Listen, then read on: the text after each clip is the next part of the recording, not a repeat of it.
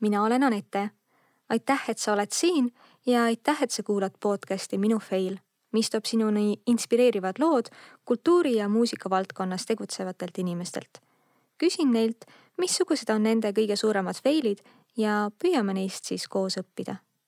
jälgi meid ka Facebookis ja Instagramis ning kui sa ise teed mõne fail'i, ükskõik kas siis väikese või suure, siis kasuta ka hashtag'i minu fail. miks? Selleks, et me õpiksime ebaõnnestumisi enda ümber tähele panema ja saaksime aru, et fail'id, need on ühed head, tavalised ja õpetlikud asjad meie elus. ja kui sul on mõni äge fail, mida jagada, siis kirjuta meile minu fail'id at gmail.com. head kuulamist.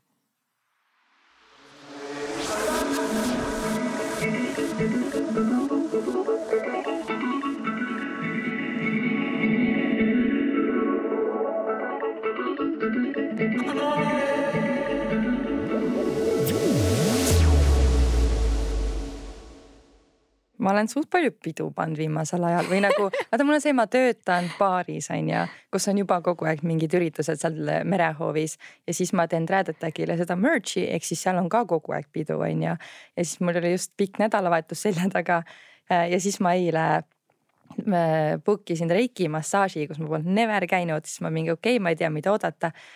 noh, noormehega koos läksime ja see oli väga väga nagu ma ei oodanud midagi sellist, mis ma seal, ma kind of arvasin, see on nagu pooleldi massaaž, pooleldi mingi muu. mis see oli, mul pole aimu ka. ei, ta põhimõtteliselt tõmbas mingi tarokaarte ka ja siis läksin sinna, mingi üldse ei teadnud, mida oodata. esimese asjana mingi, sa olid eelmises elus mees, kes rügas väga palju tööd, ma olin nagu aa thanks, ma ei osanud seda oodata ja wow. nagu rääkis väga palju ma ei tea, mu esivanematest nagu näiteks ma ei ole oma vanaisa kunagi näinud nagu oma isapoolset ja siis oma emapoolseid vanemaid ka.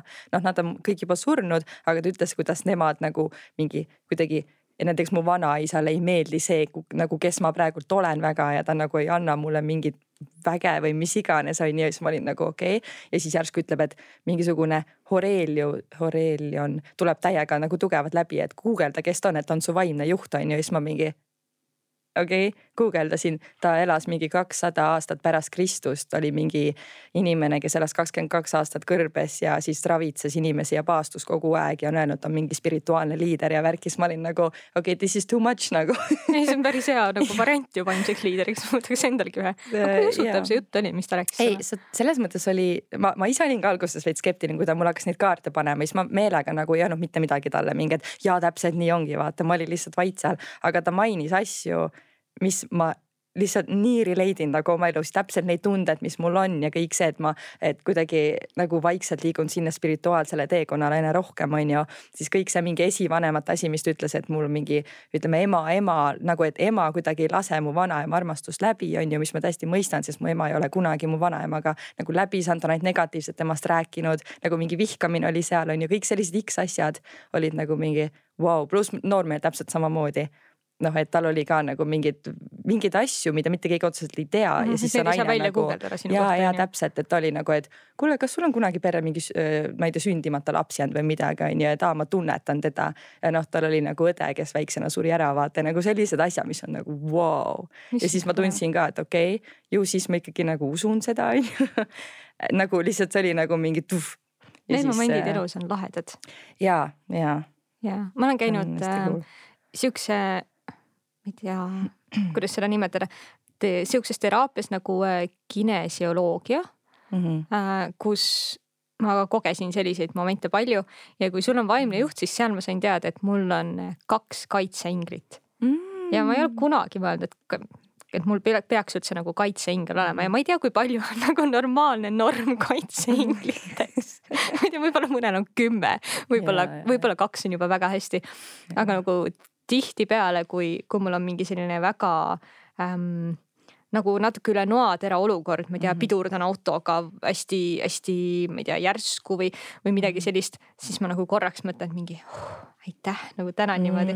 et äh, ma, ma ei usu sellesse, aga mul on hea tunne, et mm -hmm. kuskil keegi nagu hoiab mind. see kinesioloogia yeah. ise oli ka nii põnev, sellepärast et äh, ma ei pidanud seal mitte ühtegi asja ütlema mm.. aga ometi see nagu terapeut luges mu keha pealt kõik mingisugused mm. pinged välja, minu arust see oli -hmm. natuke nagu isegi valedetektor niimoodi, et et noh, ma enam-vähem rääkisin talle ära, mis nagu probleem mul oli mm -hmm. ja siis ta hakkas minult nagu suunatult niimoodi küsimusi mm -hmm. küsima ja minu käsi oli tema käes ja mm -hmm. siis ta mhm. kuidagi nagu liigutas seda ja ma kujutan ette, et, et siis äkki, äkki kui see teema valmistas mulle pingeid, siis võib-olla mul olid lihastes pinged ja tema mm -hmm. nagu mhm. luges seda kuidagi mm. -hmm. ja sealt oskas yeah. nagu järgmise küsimuse küsida, aga tegelikult ma ei tea, kuidas ma, kuidas see käib, mulle lihtsalt yeah. endale tundus nii.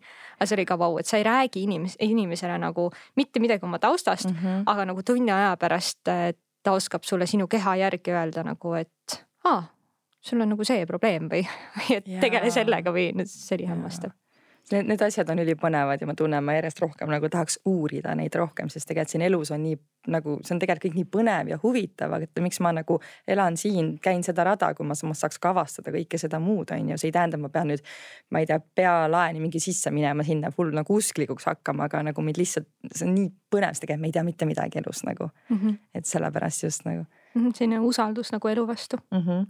nagu kuulaja on juba aru saanud, siis ma loodan, et te hääle järgi saite aru, täna on minuga stuudios ka Kelly, ma ei ole üksi. Yeah,, tere Kelly. tšau Anette ja kõik teised, kes praegu seda kuulavad. see on äh, nii naljakas, kui palju mugavam mul on sinuga koos siin olla, kuidagi sihuke kodutunne on.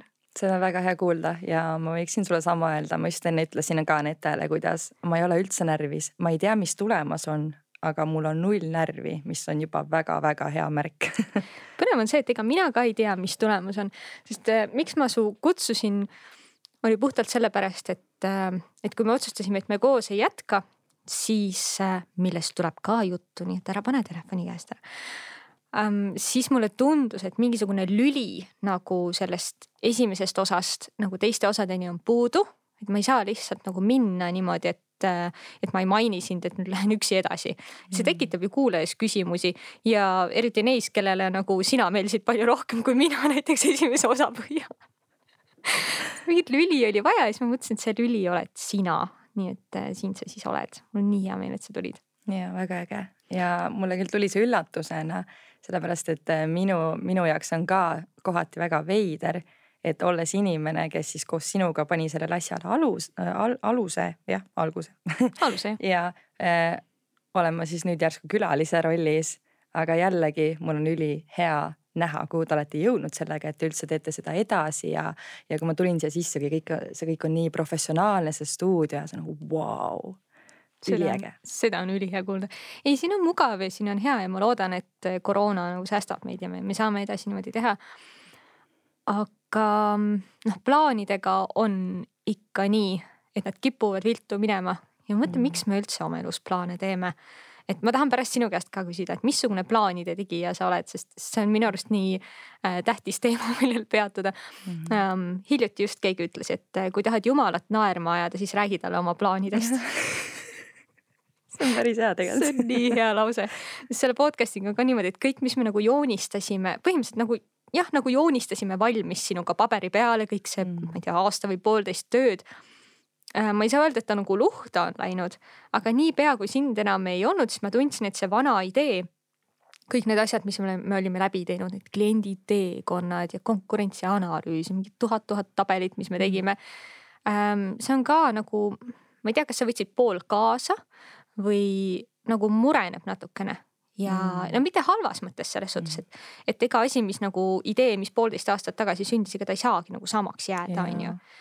Äh, aga et see hästi veel otsib oma kohta ja ma mm. arvan, et täna ma tahaksingi sinuga arutada seda, et, et nagu võib-olla kuulaja saaks ka aru miks ühel hetkel me ei kutsu muusika või kultuuriinimesi ainult eranditult siia saatesse. sest mulle tundub, et see rong on juba natukene läinud, et see oli selline eskiis või selline nagu makett, mille me pidime välja joonistama, sest meil oli vaja noh, koolitööks arvestus kätte saada, on ju, mhm. see tundus meile asjalik, aga praeguses olukorras, praegu siin podcast'is mulle tundub, et ta liigub hoopis nagu kuhugi teisele poole mm -hmm. ja see on lahe äh,. aga samas noh, sellise ähm, inimliku vaistuga ma tahaksin ikkagi hoida sellest nagu algsest plaanist kinni, sest ja. nii pidi minema ju. ja täpselt, see oli ju paberil kirjas ja, ja see on praegu osaliselt ju tundmatu nagu rada, kuhu te lähete, et ei tea, kus te sellega välja jõuate, seega see on täiesti okei okay,, et te nii nagu tunnete. aga minu meelest plaanid peavadki muutuma, sellepärast et need plaanid äh, täituvadki, need saavadki ideedeks, kui sa oled valmis muutma neid, sest et maailm meie ümber ja inimesed muutuvad nii palju, et kui me jääme hoidma sellest kinni nii kramplikult, siis see lihtsalt ebaõnnestub näiteks, ei lähegi läbi mm. -hmm. nii et siis võib-olla kuulajad ka, kes kuidagi ootasid mingisugust, niisugust skandaali minu ja Kelly vahel, siis andke andeks, seda ei ole, lihtsalt plaanid muutusid. Äh, minu plaanid muutusid, Kelly plaanid muutusid, mina käisin vahepeal Hollandis, Kelly jättis vahepeal kooli pooleli, nüüd me tegeleme mõlemad hoopis mingite teiste asjadega.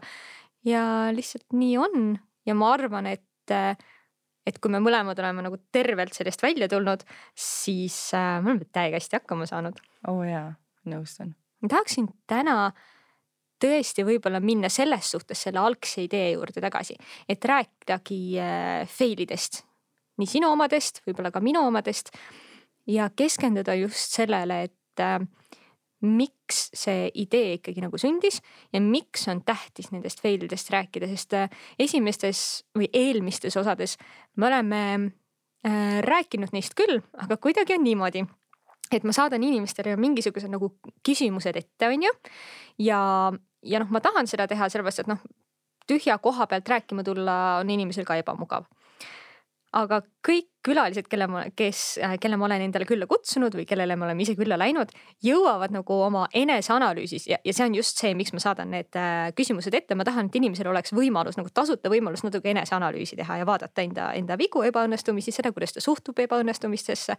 noh, needsamad küsimused, mis ma ka sulle saatsin aga kuidagi nad jõuavad nagu kõik oma mõtetega sinna, mis on ülitore. et ja noh, tegelikult mul ei olegi eriti palju ebaõnnestumisi, tegelikult ebaõnnestumised on ikka väga-väga tähtsad ja tegelikult tuleb neist ikka õppida, et see nagu tulem on selline hästi tore, aga see nagu noh, see selles suhtes nagu kaotab nagu selle saate mõtet natuke ära.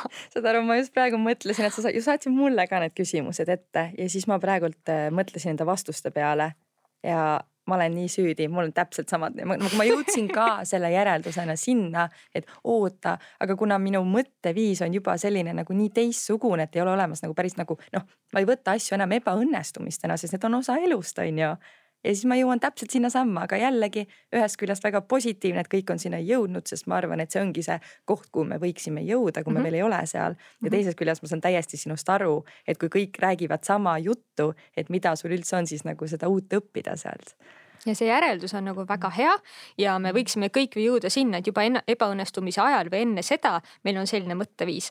aga millele võiks keskenduda, on vist just see, et kuidas me selle mõtteviisini jõudnud oleme ja, ja et kui ei ole veel, siis ikkagi nagu kuidas jõuda, et siin oleks nagu see õpetlik ja kuulajale kasulik moment ka. et mm. missugust tööd saab endaga teha selleks, et suhtuda elusse nagu äh, tervemalt, et julgeda rohkem proovida ja isegi nagu väikestel tasanditel, mitte võib-olla isegi nagu suurte elu muutvate otsustega, vaid äh, ma eile mõtlesin hästi pikalt nagu proovimise peale. mul on äh, kodus talu ja seal on nagu äh, kõiki sorti masinaid nagu, mida põhimõtteliselt üldse võib äh, ette kujutada. ja mina mõtlesin, et mina olen juba kõikide sortide masinatega sõitnud, millega võimalik sõita on, aga ei, meil on kodus uus muruniiduk. Ja see ei ole nagu selline muruniiduk ega isegi traktor, vaid ta on sihuke nagu suurem veel, tal on siuksed tiivad, mis käivad üles-alla ja ees on niiduk ja seal on nagu sada nuppu ja ühesõnaga mul oli nagu vau. ja ta pöörab ka teistmoodi kui, kui tavaline masin, tal on hästi-hästi palju rattaid. Ühesõnaga ja siis äh, isal oli muidugi kiire ja ta tahtis, et mina lõpetaksin muru niitmise ära, mis oli mulle täiesti okei okay. äh,. ja siis ta näitas, tutvustas mulle seda masinat ja kõik oli nagu hästi äh,, aga seal on selline pedaal, noh muidugi pidureid ei olnud masinal põhiline asi, et pidureid ei ole. et kui tunned, et hakkad kuhugi äh, vastu sõitma, siis kohe tagurpidi käik sisse okay,. ja tagurpidi okay. käik käis siis niimoodi, et seal oli selline pedaal, kui lükkad edasi jalaga, siis läheb edasi, kui lükkad kannaga tahapoole, siis lükkad nagu, siis läheb tahapoole, hästi loogiline. aga teda nagu tahapoole tuleb kannaga nagu hullult kõvasti vajutada niimoodi, et ma tundsin kohe, et mu parema äh, jala reis saab nagu korralikult sellist nagu tööd, et tõesti nagu väga kõvasti peab vajutama ja ma ei saanud üldse hakkama selle tagurdamisega. Mm. edaspidi vabalt, tagurpidi no ma täiega susserdasin, et ma saaksin nagu tagurpidi käiku ja päris keeruline on, kui sa tagurdada ei saa, kui sa pead mingi õunapuude vahel teed mingid, noh, ühesõnaga seal on nagu, meil on väga-väga palju muru. ja siis ma vaatasin ennast, et äh, esimest korda ei saanud tagurdamisega hakkama, ma olin sihuke mm -hmm, okei okay.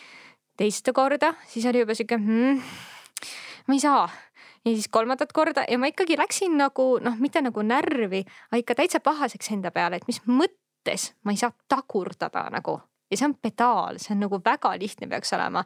ja läksin ikka täitsa nagu närvi enda peale ja siis hiljem vaatasin, et noh, et, et, äh, et see proovimise himu, mis hetkel see nagu minus kuidagi nagu ära kadus, et ma ei võta selliseid väikseid asju nagu seiklusena, vaid ma saan kohe pahaseks enda peale, et ma ei saa hakkama mm ma arvan, et kuigi ma olen ka jõudnud sinna mõtteviisi, et nüüd ma ütlen, et jaa, ebaõnnestumised on väga-väga tähtsad ta,, ta-ta-ta-ta, siis ma tahaks jõuda sinna, kus ma seal tagurdamise ja susserdamise vahel ei saa enda peale pahaseks, vaid ütlen, et okei okay,, proovi kümme korda, proovi sada. võib-olla sa ei saagi hakkama, aga see on okei okay. mm. -hmm. see oleks nagu lahe koht, kuhu jõuda. absoluutselt, ma praegu just mõtlesin ka selle peale, et kõik need äh noh, seesama koht, mis sa just ütlesid, kuhu me kõik tegelikult oleme jõudnud, et ebaõnnestumised on olulised. ma olen ise ka sinna jõudnud, aga mõtlesin just, et teoorias me kõik oskame seda, see on meile nagu une pealt selge ja need on eluks vajalikud. no ühesõnaga eluks vajalik on ebaõnnestuda, aga just minu arust kõige raskem ongi just see hetk, kui sul tegelikult ei lähe nii nagu sa tahtsid ja sa päriselt ebaõnnestud mingil hetkel, kasvõi selle väiksele selle proovimise hetkel. Ja siis on minu arust kõige raskem just nagu tuua seda mindset'i või seda mõtteviisi, sest et nagu see emotsioon on seal, sa juba oled ärritunud ja minu meelest see just näitabki, kui sa siis sellel hetkel suudad nagu tulla sellest välja, olla, et ei, see on okei okay,, ma ei, ma ei peagi midagi oskama lihtsalt niisama.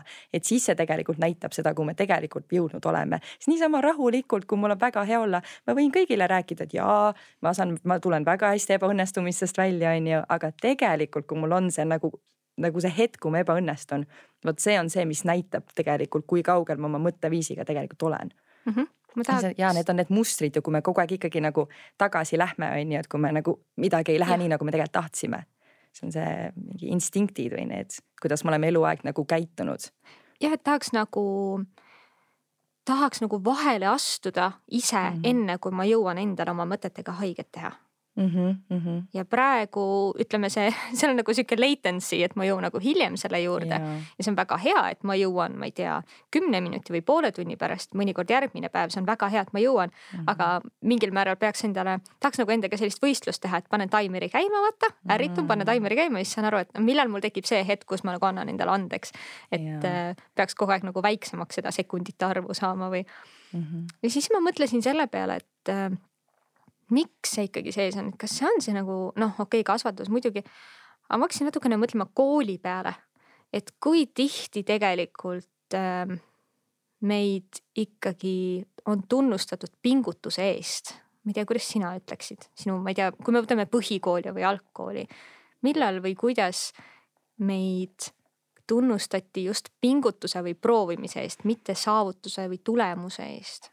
ma ütleks, et kui ma nüüd olen hakanud mõtlema selle peale, minu meelest meie koolisüsteem ongi üles ehitatud selle peale, et sul on mingi lävend ja kui sa saavutad selle, siis sa siis nii-öelda jah, sind nagu autasustatakse siis kas siis hea hindega või kiitusega.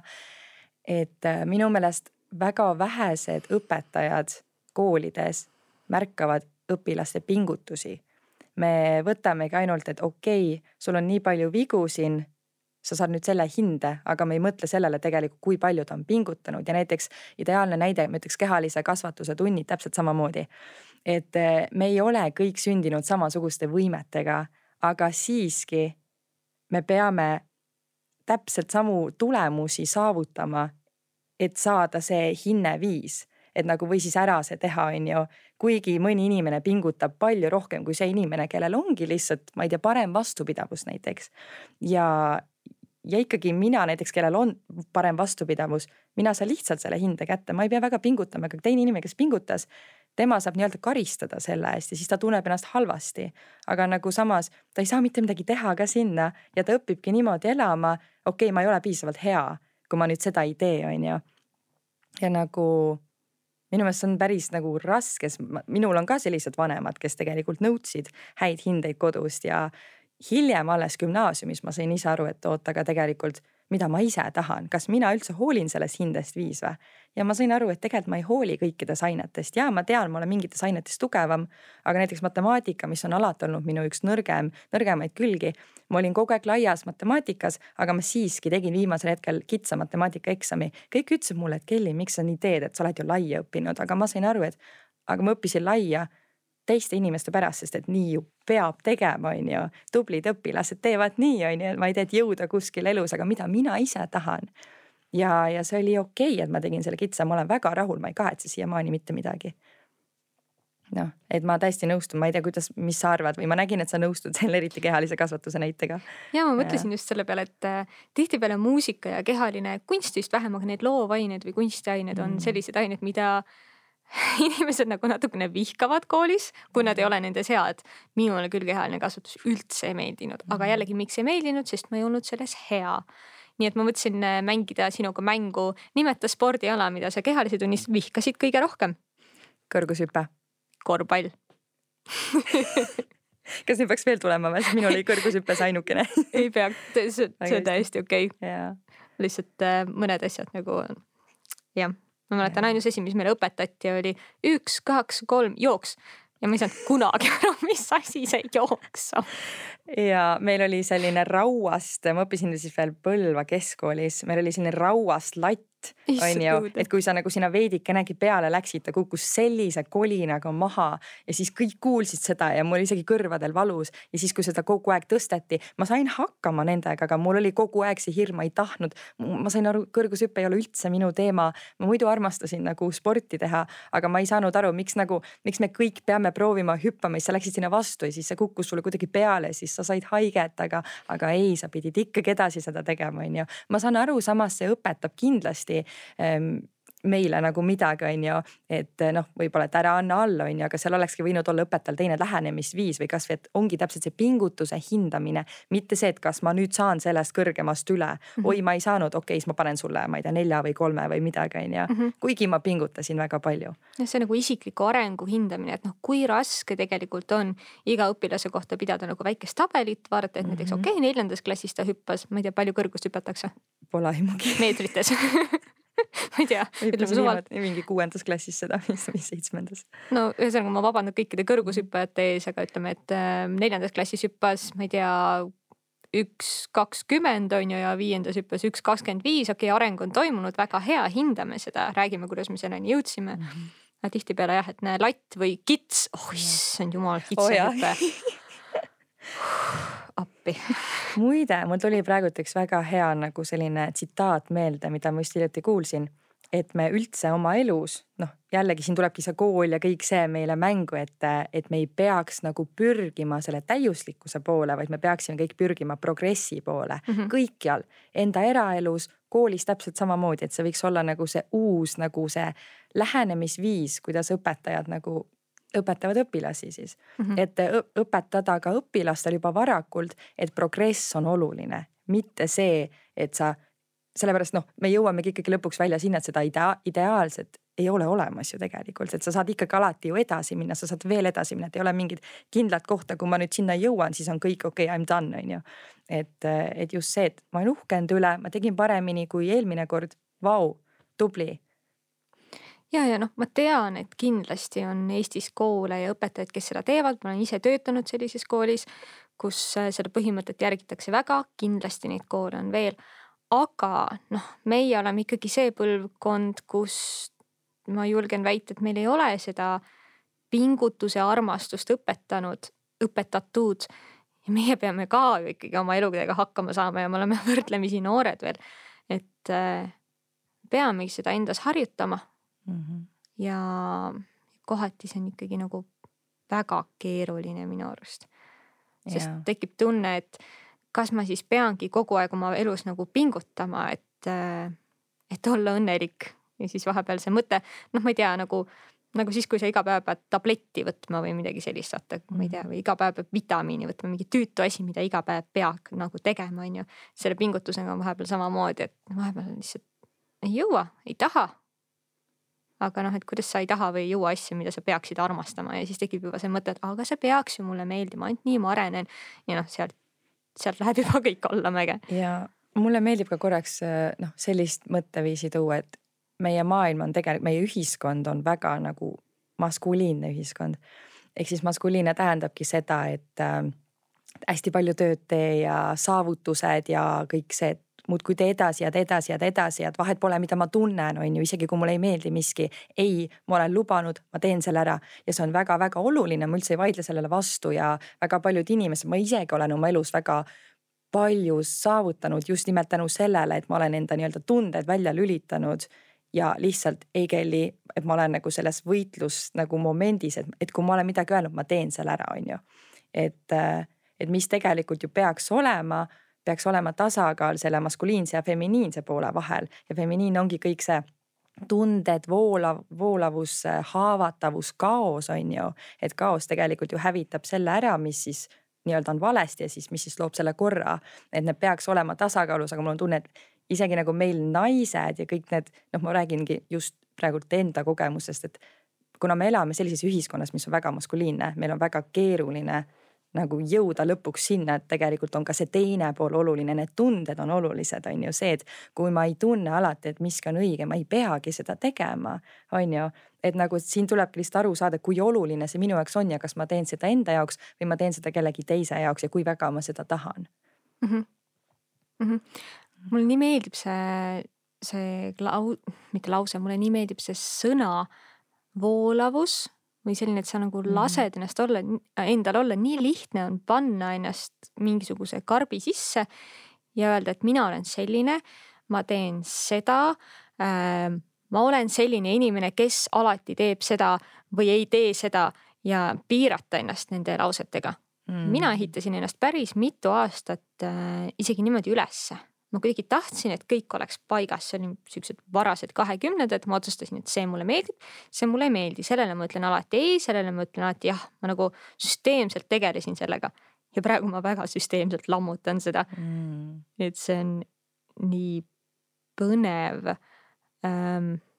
kui palju tühja tööd ma teinud olen aga teiselt poolt noh, ma saan aru, miks äh,, miks mul seda vaja oli, see oli selline vastandumine, et kui ma läksin muusikat mm. õppima siis ähm,, siis mul oli vaja tunda ennast kuidagi erilisemana teistest. ja tänu sellele siis ma ehitasin üles sellist isiksust, kes kuidagi siis nagu välja paistaks või, või kes oleks, noh, ühesõnaga, et noh, et kui sa oled, ma ei tea, dirigent on ju ja sul on kümme-teist dirigenti seal kõrval samas koolis, kuidas sa üldse välja paistad, kui sa, kui sa võib-olla ei ole teistest oluliselt andekam või musikaalsem või su käed ei ole mingi sündinud dirigendi käed, nagu nad meile räägivad, sellist asja ei ole olemas et, ähm, et ma saan aru, miks seda vaja oli, aga mul on väga hea meel, et äh, nagu selles kohas, kus ma praegu olen, ma tunnen, et seda ei ole vaja. ja et nagu lubada endal olla selles nagu voolamises, nii selles mm. emotsioonide maailmas, nii-öelda siis äh, ütleme siis jah, feminiinsemas maailmas ähm, nagu lubades endale seal olla, aga samas nagu otsides tasakaalu sellest maskuliinsusest, mida on minu sees väga palju, siis ma tunnen ennast palju tugevamana, et ma lasen nagu endal olla mõlemas maailmas, et ma ei tee ühte maailma maha ja ei pea teist tugevaks. täpselt ja minu meelest paljud võivadki arvata, et kui me räägime sellest noh, feminiinses pooles, siis ongi nii-öelda see haavatavus, voolavus, see on justkui see nõrgem pool on mm -hmm. ju.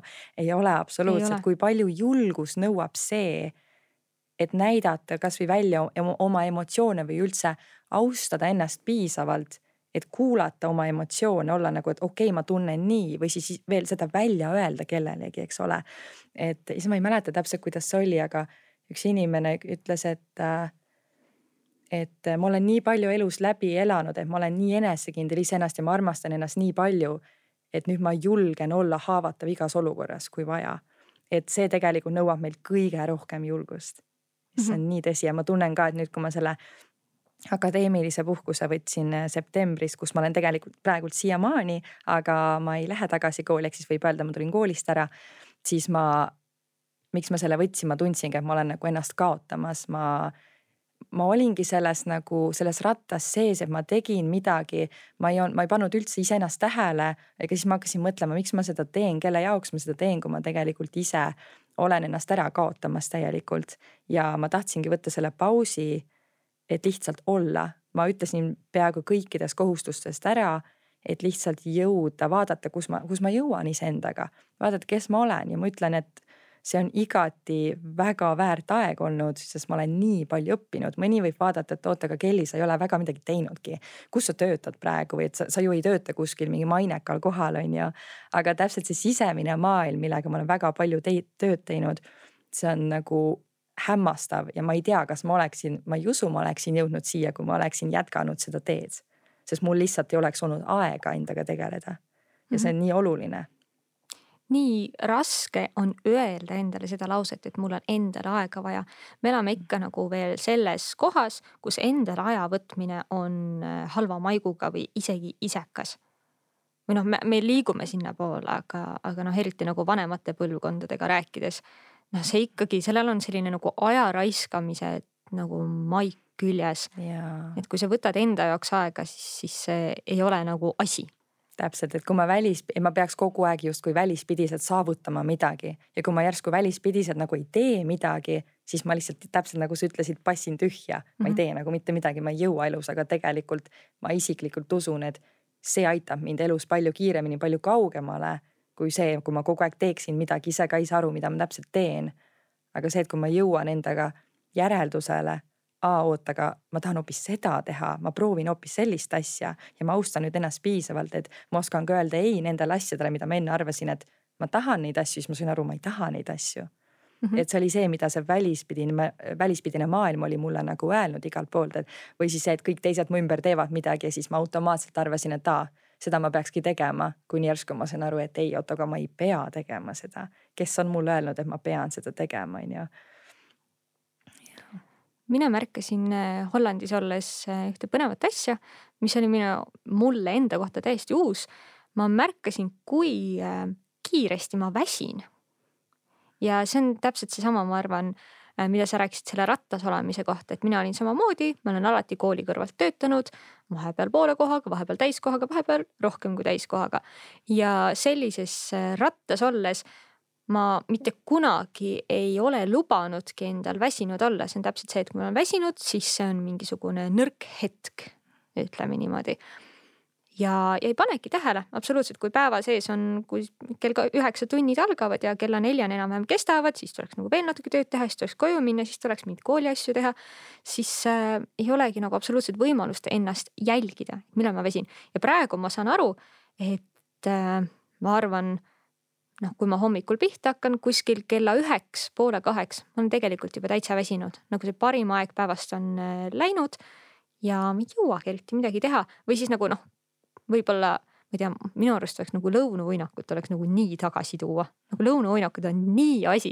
ma saaksin magada, kui mul oleks sihuke päevaplaan, et ma saan näiteks kella kolmest neljani magada, kell neli oleks nagu uus hommik, vaata. ja jõuad veel, ma ei tea, noh, oleneb unerežiimist on ju mingi kaheksani panna. et äh, aga mul oli hästi raske sellega leppida, kui ma tundsin näiteks kell pool kaks päeval, et ma olen väsinud.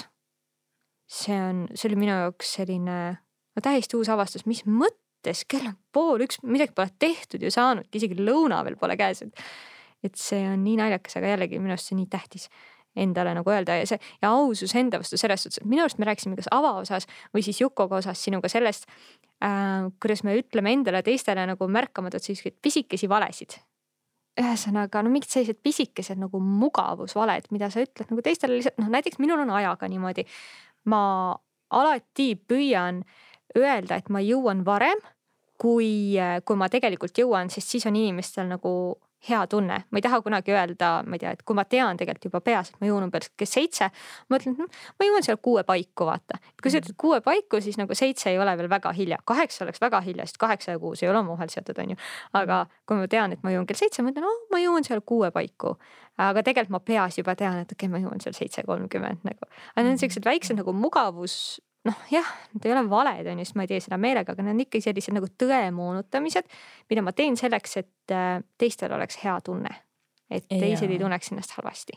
ja selles ma nõustun küll või kasvõi kui me räägime sellest kõige lihtsamast äh, küsimusest, kuidas sul läheb, on ju, või et äh, ma ei tea, mis sa teed, on ju. ai midagi, ai mul läheb hästi, kuigi tegelikult nagu see ongi see, et mina näiteks isiklikult panen endale juba selle piiri, et aga teda ei huvita tegelikult, kuidas mind läheb, kuidas mul läheb, ta lihtsalt küsib seda viisakusest, on ju. et noh, siin tuleb juba see asi mängu või see, et aa, et ma ei hakka teda vaevama enda asjadega, on ju.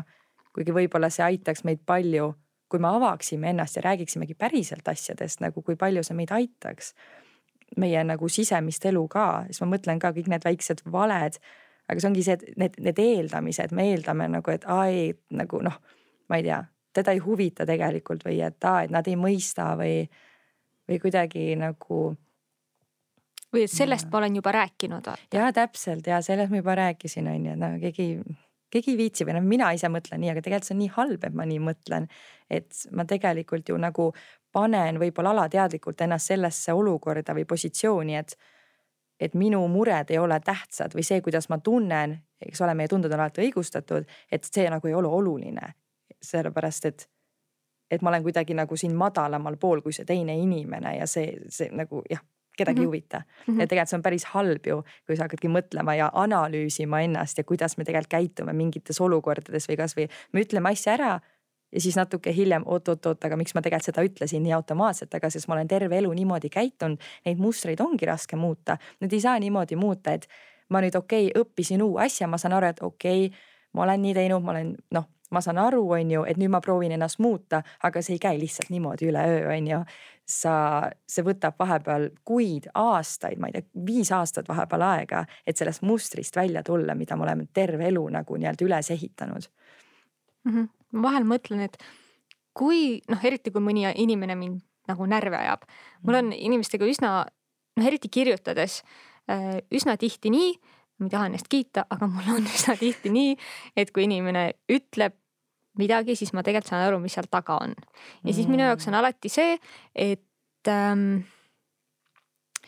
kas ma ütlen talle, kuule, ma saan ju aru, mida sa tegelikult mõtled, aga samas, kui, kui ta on nagu selle mingisuguse vabanduse sinna kirjutanud ähm,, siis ma ei taha nagu seda ka teise inimese jaoks nagu ära rikkuda, sest ma ei tea, mis mm. põhjusel ta, ta mulle nagu päriselt ei vasta. ja siis mul mm. tekib peas selline tunne, et nagu jumal küll, noh, nagu kui raske on lihtsalt olla aus, palun lihtsalt ole otsekohene, kui raske see on.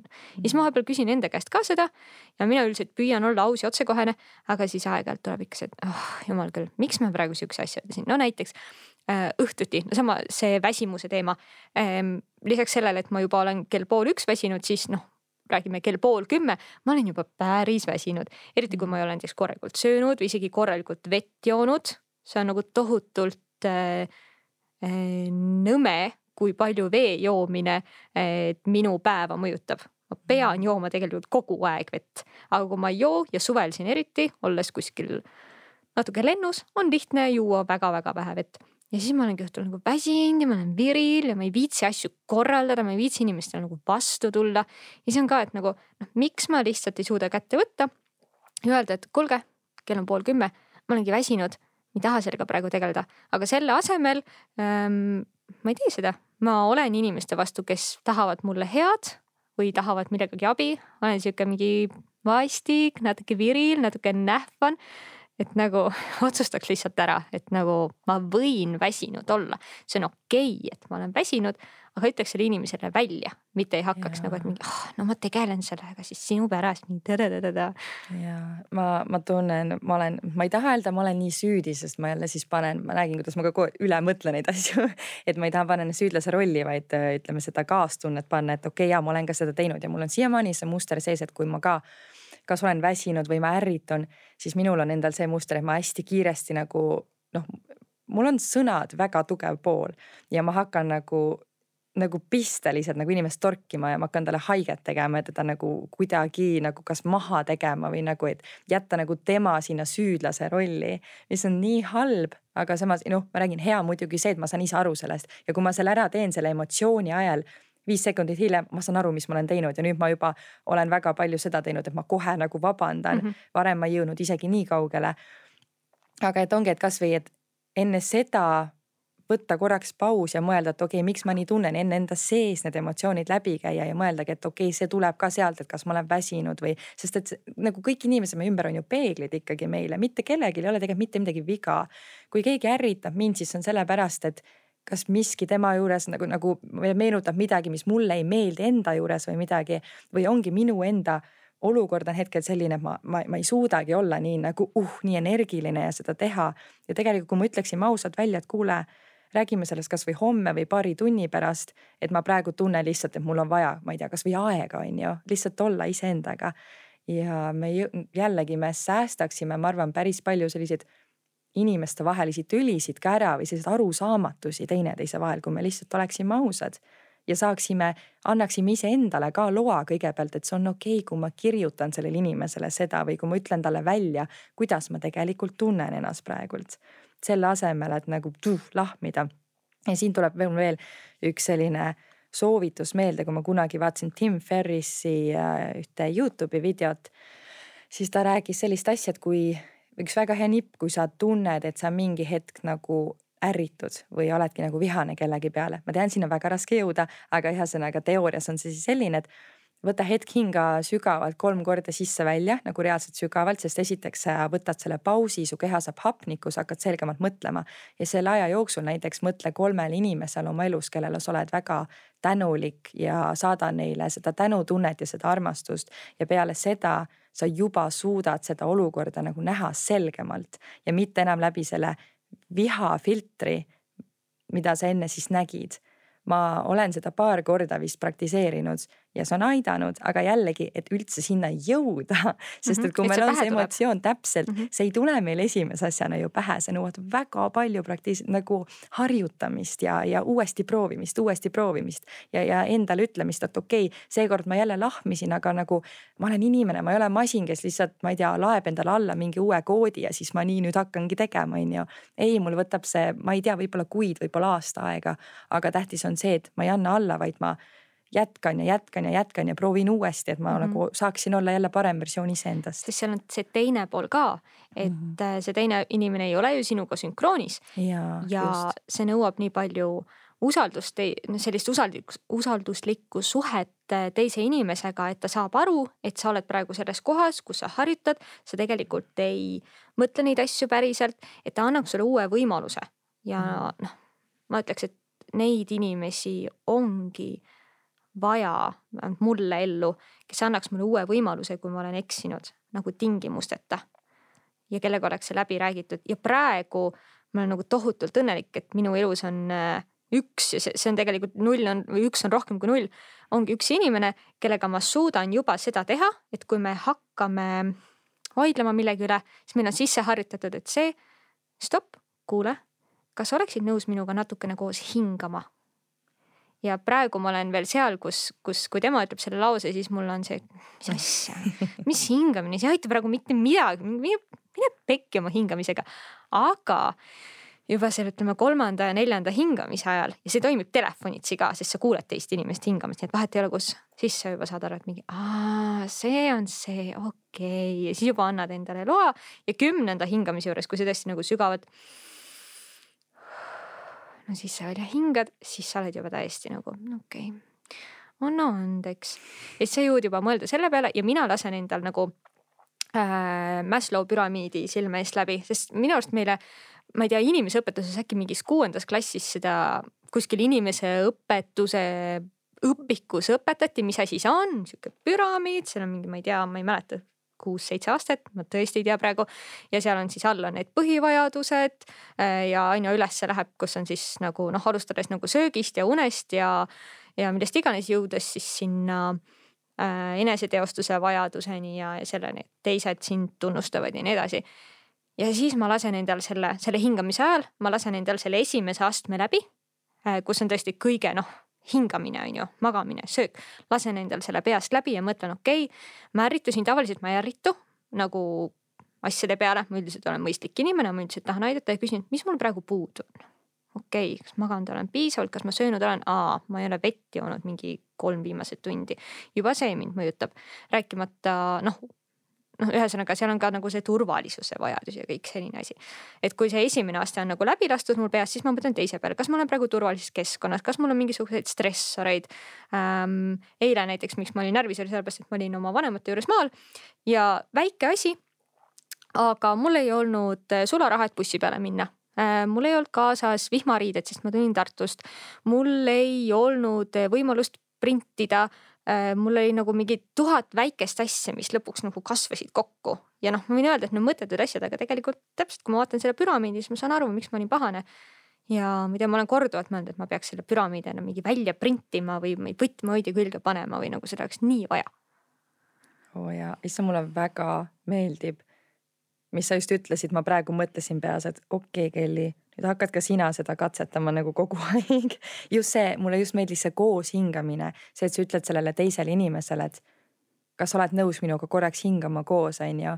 ja see rahustab mõlemaid maha niimoodi, et mitte ainult, et üks jõuab sinna, teine on ikka veel endises mm -hmm. kohas, vaid see annab mõlemale võimaluse näha seda olukorda teise nagu pilgu alt ja kohe nagu, et vau wow,, oota tegelikult see asi, mille üle me võib-olla vaidleme või ärritusime, see ei ole üldse nii hull, see ei ole üldse nii oluline mm, -hmm. on ju. kohe tuleb see kahjutunne ka, et tohonu tegelikult nähvata sulle, see, see nagu täiega aitab.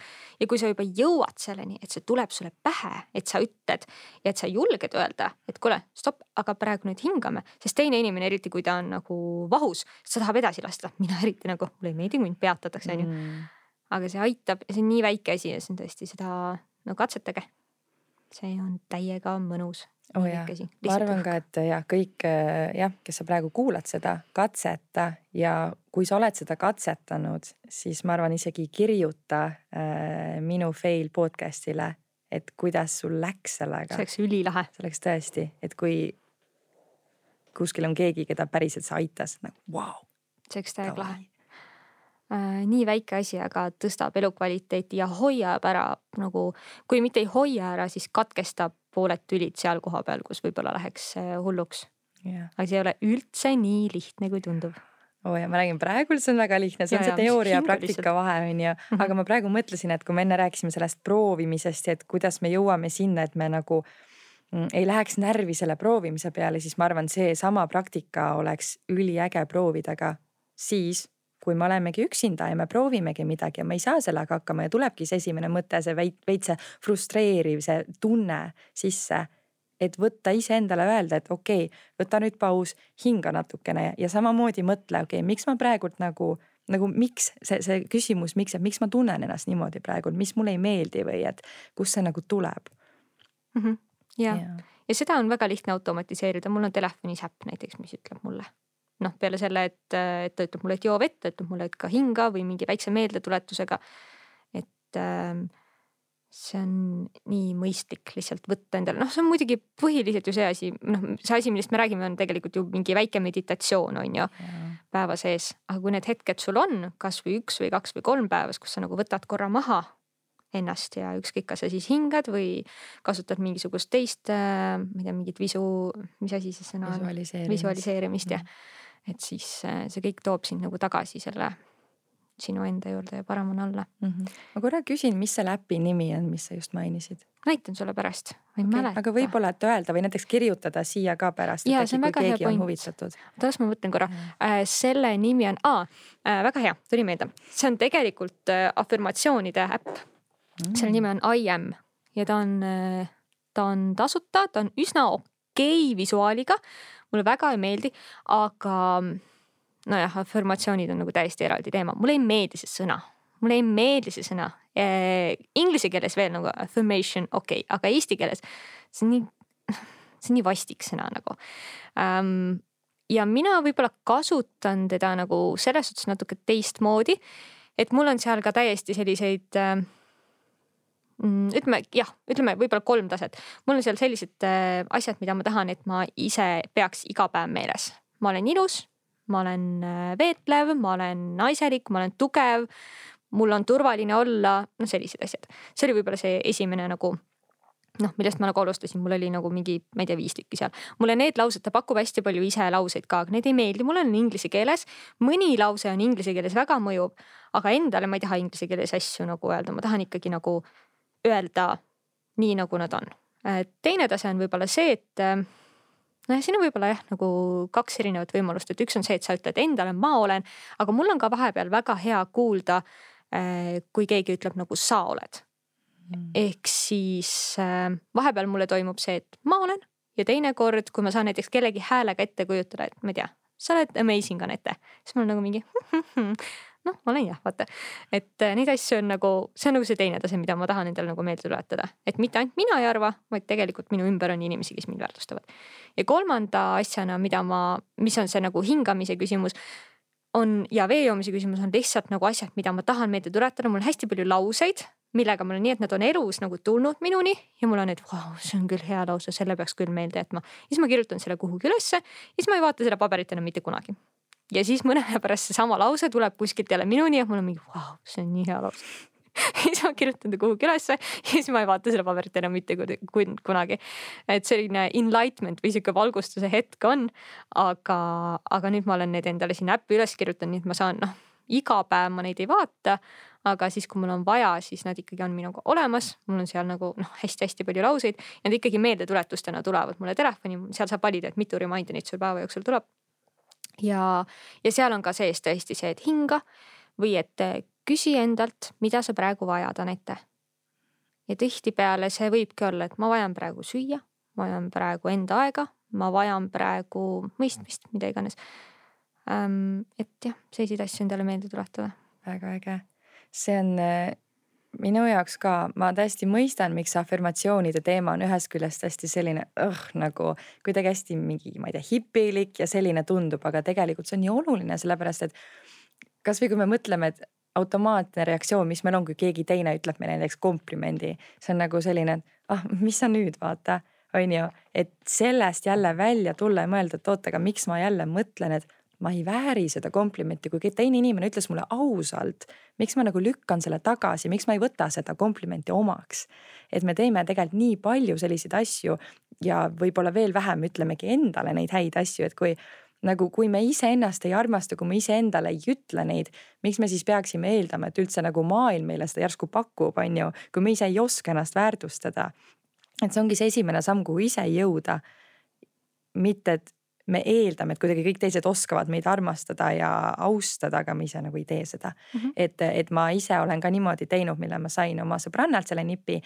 et kui keegi on ka kirjutanud kas Messengeri või Instagrami midagi positiivset või head, siis ma teen screenshot'i, ma salvestan selle enda telefoni ära ja ma mul on üks kaust, kus mul on erinevad nagu sellised inimeste öeldud, aga minu meelest see sinu asi on isegi veel parem, et noh, see kaust on ka see, et ta, ta jääb sinna kuskile ja ma võib-olla vahepeal harva, kui mul tuleb meelde, kui mul on just nagu aega, siis ma vaatan seda. aga mulle just meeldibki see, et ta, et nad on sul seal äpis olemas ja ta nagu toob neid ette, et, et reaalselt tavalistel igapäevastel hetkedel ka tuletada endale meelde, et tegelikult sa oled nii super inimene ja sa oledki ilus ja sa oled kõike seda, seda, seda, on ju. et, et see on isegi veel ägedam. ja ja mõni päev on niimoodi, et mul tuleb noh, tõesti, need on nagu ainsad notification'id, mis mul telefoni tulevad, ma tean, et mul mitte ühtegi noh, okei okay,, helin, helin ja sõnum ka, aga kõik teised notification'id on mul maas, mulle ei, mulle ei meeldi, kui inimesed sõidavad mulle sisse päeva mingite asjadega mida ma ei ole palunud, kui ma tahan, ma teen selle äpi lahti, on ju. aga need on ainsad notification'id, mis ma tule äh, nagu olen endale peale pannud ähm,.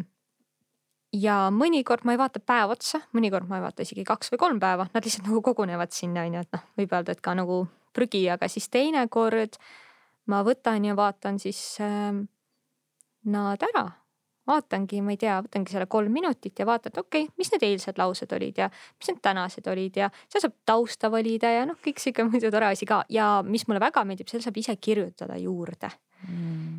ja noh, seal on muidugi jah, see mingi tasuline versioon ja tasuta versioon, versioon, aga pro tipp, mina korra laadisin endale tasu, tasulise versiooni alla, panin need seaded, mis mulle meeldisid ja siis lõpetasin tasulise versiooni ära ja nüüd on ta täpselt sihuke, nagu ta mulle meeldib. et et see ikkagi nagu aitab, et need on tõesti sul nagu juures ja ise tulevad ja kui ma seda häält juba kuulen, mul vahepeal on sihuke, et mingi hmm, huvitav, mis ta mulle ütles. ja, ja selle ja komplimentidega minu arust aitab samamoodi, et kui nagu telefoni ekraan ütleb sulle, et sa oled amazing, siis nagu väga lihtne oleks öelda mingi noh, ei, mis asja, mis ma siin nagu, aga tegelikult äh,, tegelikult ütledki, et jah, olen, aitäh, et mulle meelde tuletasid, on ju.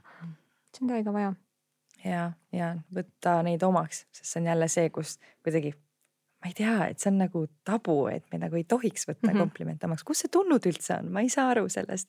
et äkki see oli mingi äge asi, mida ma ei tea, põhikoolis või keskkoolis kõik tegid ja siis mõtlesid, et see on äge, et ma teen ka, sest me ei sünd-, me ei sündinud ju sellisena, on ju, kui sa olid väike. keegi ütles sulle, et sa oled ilus, on ju, sa oled nagu, et jaa, oo aitäh, vaata. aga kuskil seal vahepeal toimus see, et mm, mm, või siis, et aa ei, ma ei usu, et sa seda päriselt mõtled, on ju, nagu wow.. jah, isegi väiksemal tasemel on noh, isegi kui sa ütled aitäh, siis on nii lihtne öelda, et mingi noh, ma ei tea, keegi ütleb, et sul on ilus kleit, on ju. aa, see on mingi vana isegi kui see ei ole vana, siis tihtipeale on muidugi öelda, noh, lihtne öelda, et jaa, et ma ei, ma lihtsalt ei ole seda ammu kandnud. miks on nii raske välja öelda, et jaa, ma ostsin selle tänaseks ürituseks, aitäh, et sa seda tähele paned. ma nii lootsin, et keegi seda märkab, on ju. see on ju nagu, sa annad sellele teisele nagu ütlejale ka kommi sellega, sa annad talle mm -hmm. palju rohkem kommi, dopamiini ma mõtlen selle all mm, -hmm. sellega, et sa ütled talle aitäh, et sa märkasid kui Just. sellega, et mingi hm, jah, see vana asi mul kapis jaa, just, et siin on ju väga suur vahe, kui näiteks mina ütlen sulle praegu komplimendi ja sa oled nagu, et sa ei võta seda omaks ja ma tunnen, et min, nagu minu sõnu mm -hmm. ei väärtustata, sest mina olin siiras sinuga on ju, et siin mhm. ongi nagu, nagu see teine pool ka. ära anna mulle. täpselt ja siis ma teinekord võib-olla ma ei julgegi sulle enam öelda, sest sa lükkad need komplimendid tagasi ma mõtlen, et ah, sa nagunii kuidagi ei väärtusta neid nii palju. ja siis ma mõtlen, et oo, miks keegi mind tähele ei pane, on ju. just aga see on asi, mida ma küll tundsin äh, Eestisse tagasi tulles seda on nii veider tunnistada ähm,. sest Hollandis, noh, inimesed on avatumad ja kuidagi ma kuulsin ikkagi väga tihti seda, et kas mul on nagu ilus kleit või ilus soeng või ma olen niisama tore või noh, inimesed nagu ütlevad sulle no, juba sellega, et nad ütlevad tänava peal tere. Nad tulevad sinuga lihtsalt juttu rääkima. Neid selliseid avatud hetki oli minu elus palju rohkem ja kuigi ma tulin Eestisse ja läks nädal mööda ja kaks ja nüüd on juba peaaegu neli saanud. ja vist teise nädala lõpus ma sain aru, et ma nii ootan, noh, on ju pool aastat ära muutunud ja juuksed lühemaks lõiganud ja ma nii ootasin, et keegi ütleks mulle, et ma olen ilus. ja see on nagu nii väike asi, vaata, aga ma kuidagi nagu ootasin, läksin pere juurde, mõtlesin, et hmm, ei tea, kas keegi ütleb või läksin sõprade juurde, ma lihtsalt ootasin, et keegi ütleks mulle, et noh, võib-olla nagu mitte ilus, aga kuidagi nagu, et, et ma ei tea, sa oled muutunud või sa oled teistsugune või jah, tegelikult jah, isegi see nagu ilus sõna, sest ma ise vist arvan lihtsalt nii palju rohkem, et ma olen ilus, ma, ma ei arvanud detsembris üldse nii palju, et ma olen ilus, kui ma praegu arvan. Mm.. mis on äh, tänu sellele äpile suuresti. et sa oled see, mida sa endale kordad yeah.. aga siis ma sain aru, et äh, vist see aitab, kui sa teistele inimestele ka väljendad seda, kui sulle meeldib. ja siis nüüd ma, nüüd ma olen juba kuulnud neid asju, mida ma olen tahtnud mm., aga selline väike nagu auk tekkis sisse, et mis mõttes keegi ütleb mulle, et ma olen ilus. see on ju nii isekas mõte, miks ikka sihukest asja yeah.. mul, mul on ka jah seda väga palju tulnud, et, et ma nagu tean, et ma näiteks olen just teinud midagi või ma näen mind nagu välja selline, et ma tean tegelikult, et inimesed mõtlevad seda, aga seda, et nad ütleksid, seda on väga raske võib-olla jah, eestlastelt välja saada. et ma töötan ju noh, baaris ka praegult. seal on ka hästi huvitav nagu see kontrast, et alguses inimesed tulevad, on ju, okei okay,, teenindad neid, läheb paar tundi mööda, läheb kolmas-neljas jook inimesel. järsku üksteist õhtul inimene tuleb, on ju, kuskil kolm jooki sees ja järsku ta hakkab ütlema, tead, ma enne vaatasin, sul on nii äge kleid, mulle nii meeldivad su tätoveeringud. Vau, minu meelest sa teenindad ülihästi, nagu mulle nii meeldib, kuidas sa oled nii chill ja sa naudid seda ja siis ma mõtlesin, et okei okay,, jaa, ma tean, see on see alkoholi mõju, aga nagu kus enne need sõnad olid, vaata. et sa nagu, sa mõtlesid, me mõtleme neid kogu aeg, aga, aga me ei ütle neid välja, et ma olen tegelikult ise ka tähele pannud, et kui ma näiteks kõnnin kuskil kellegagi ja siis ma näen mingit äh, neiut kuskil, kes, kellel on üliäge stiil ja ma ütlen enda kõrval olevale inimesele seda, et vaata, ta näeb nii äge välja, aga miks ma ei lähe ja ei ütle seda sellele inimesele nagu seda, see ju tegelikult puudutab otseses mõttes teda ju, mõtle, kui õnnelikuks seda mhm. teeks mm. -hmm aga, aga me ei tee neid asju, et ma olen üritanud ennast nagu suruda välja natuke sellest mugavustsoonist, et okei okay,, kui ma märkan, et keegi näeb äge välja, siis ma ütlen selle välja, ma lihtsalt ütlen selle välja, see on nii äge näha, kuidas inimesel lähevad silmad särama, nägu naerule ja ta on päriselt vau, okei okay,, aitäh, sa märkasid, vaata. ja see on nagu ise saad ka täpselt nagu sa enne ütlesid, sa saad, sa saad nii palju tagasi sellest, on nagu oh my god, jaa äge, ma suutsin kellegi võib-olla päeva teha nagu palju ilusamaks praegult, kui ta enne oli mm. -hmm. jah, ja mitte muidugi ainult välimusega, vaid nagu ja, kõikide ja, asjadega, aga tõesti ja seda oli tõesti Hollandis rohkem ja sellega on mul nagu raske siin äh, leppida, aga noh, eks ma ise siis pean olema see muutus, mida, mida ma tahan. ma just e-, enne vaatasin äh, äh, sinu Facebooki, siis vaatasin seda pilti, kus te otsite korterit, siis mõtlesin, et kellil on nii ilus ma ei tea, kus see sul täna on, aga mõtlesin mingi. see oli eelmise, see oli eelmise aasta pilt mul oli tukk eelmine aasta. sul oli nii ilus tukk, nii hästi sobis. aitäh, aga ma mõtlesin mingi aeg, et ma lõikan nagunii tagasi, nii et uh, it will come back sul on minu approval olemas selleks. aitäh sulle um,. minu arust um, no selle tunni ajaga, mis me siin rääkinud oleme, on minu sees juba uh, kuidagi kindlam tunne selles suhtes, kuhu ma tahan, et see podcast läheks. Um, ja tõesti võib-olla jätta nagu kõrvale see paberile visandatud äh, silmapaistvad edukad kultuuri ja muusikamaastiku inimesed. Ei pea olema edukad, ei pea olema silmapaistvad. Äh, järgmine külaline näiteks järgmises osas on täiesti ise ennast meile külla kutsunud. Ja mul on järjekorras loodetavasti veel üks inimene, kes tahab ennast külla kutsuda. Ja ja ma tahaks, et see olekski selline saade, kuhu inimesed saaksid ja julgeksid ja tahaksid ennast ise külla kutsuda. jah, ja äkki sellest saabki selline saade või kasvõi noh, ma tooksin siin kohe seda välja, et, et edukus on ju täpselt selline, kuidas me seda defineerime mm. -hmm. mina näiteks ka võib-olla välispidiselt ma ei ole selles mõttes edukas ja mingi saavutanud ülipalju või teenin ülipalju rahaliselt. aga ma ütleksin ise ka, et ma olen edukas inimene, sest et ma olen jõudnud nii palju iseenda sisemise tööga nagu, ma olen nii kaugele jõudnud kuidagi, et ma julgen öelda, et ma olen mingis mõttes seal, kuhu paljud inimesed ei ole veel jõudnud või jõuavad alles, täpselt ei jõuagi mm -hmm. või jõuavad alles kunagi tulevikus, et ma olen juba seal mm. -hmm. see on minu jaoks nagu, ma olen nii uhke enda üle ja see ongi minu jaoks edukus.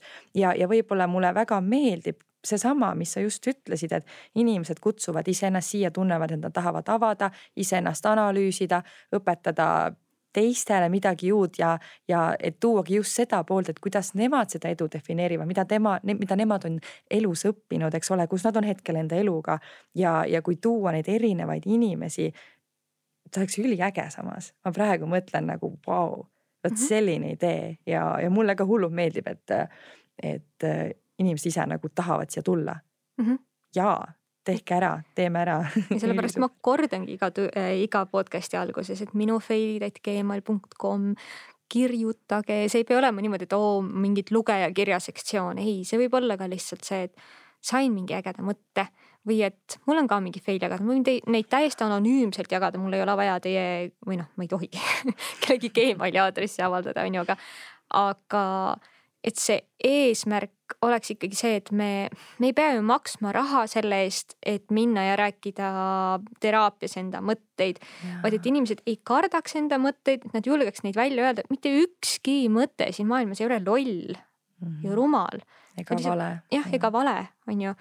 et jällegi, sa ei pea olema selles suhtes nagu edukas, et ma ei tea, terve Eesti teab sind mm. -hmm. et siis sa oled alles nii-öelda podcast'i vääriline, et siis, kui ma saavutan ja. need asjad ära, siis mind alles hakatakse ise kutsuma, on ju.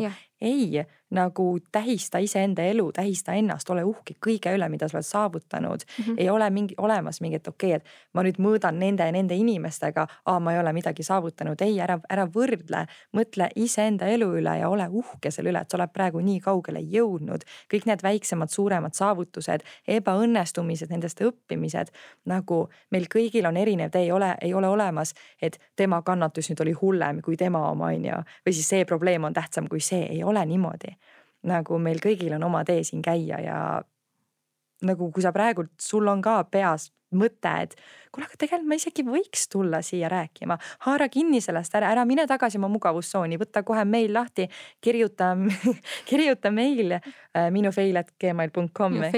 minu fail'id, vabandust. ja, ja tee ära see asi, tegutse, enne kui sul see hirm jõuab ette tulla ja usu mind, sa tänad pärast, äh, sa oled väga tänulik enda üle pärast jah, kasvõi nagu selline nagu tasuta eneseanalüüsi sessioon.